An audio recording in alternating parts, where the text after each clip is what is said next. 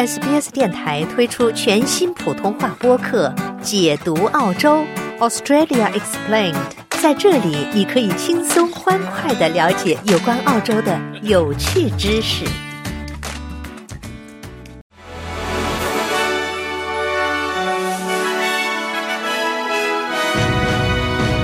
听众朋友您好，我是 SBS 记者刘俊杰。今天是二零二三年十月二十号，星期五。本期 SBS 新闻快报的主要内容有：新州警方对亲巴勒斯坦抗议活动准备就绪；政府拒绝取消一份有争议的达尔文港租约；研究人员采集日本福岛核电站附近的海洋样本。以下是详细内容。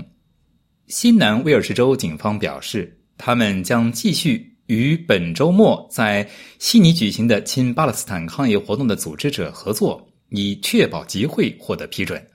组织者预计将有五千多人参加此次集会。新州警察局长凯伦·韦伯表示，这些警察将致力于为抗议者协商一条安全通过中央商务区的通道。韦伯说：“我们希望参与者表现良好，但如果有人认为他们可以加入抗议活动并制造麻烦，警方将在现场逮捕那些违法者。”警方表示，他们已经逮捕了十一人，指控他们犯有二十二项与上周日悉尼歌剧院抗议活动和本周报道的其他事件有关的罪行。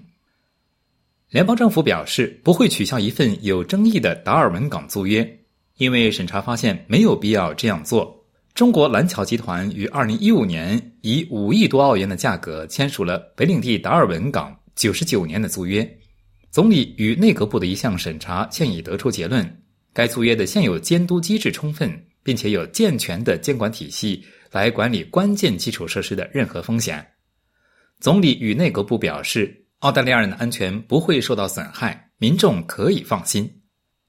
研究人员从日本福岛核电站附近的一个港口采集了鱼类和海洋样本，此际当局正在继续努力消除人们对该核电站释放经处理的放射性核废水的担忧。在八月份开始释放放射性核废水之后，中国立即停止了日本的海产品进口，而俄罗斯现在也宣布了其限制措施，声称日本在其水域的安全性方面不够透明。目前，来自中国、韩国和加拿大的科学家现已成为观察员，与国际原子能机构的研究人员一起采集样本。该机构的保罗·麦金尼蒂表示。这些样本材料现在将被送去进行独立测试。麦基尼蒂说：“日本政府要求我们这样做，他们希望我们这样做的原因之一是试图加强对日本提供的数据的信心。我不认为这样就能解决问题。我的意思是，这是一个复杂的国际政治问题，但我认为这肯定会有所帮助。” But I think certainly it it will help. 感谢收听本期 SBS 新闻快报。您可以在任何播客平台搜索 SBS 普通话，点击订阅，开启消息提醒，即可了解澳洲国内外新闻及社区信息。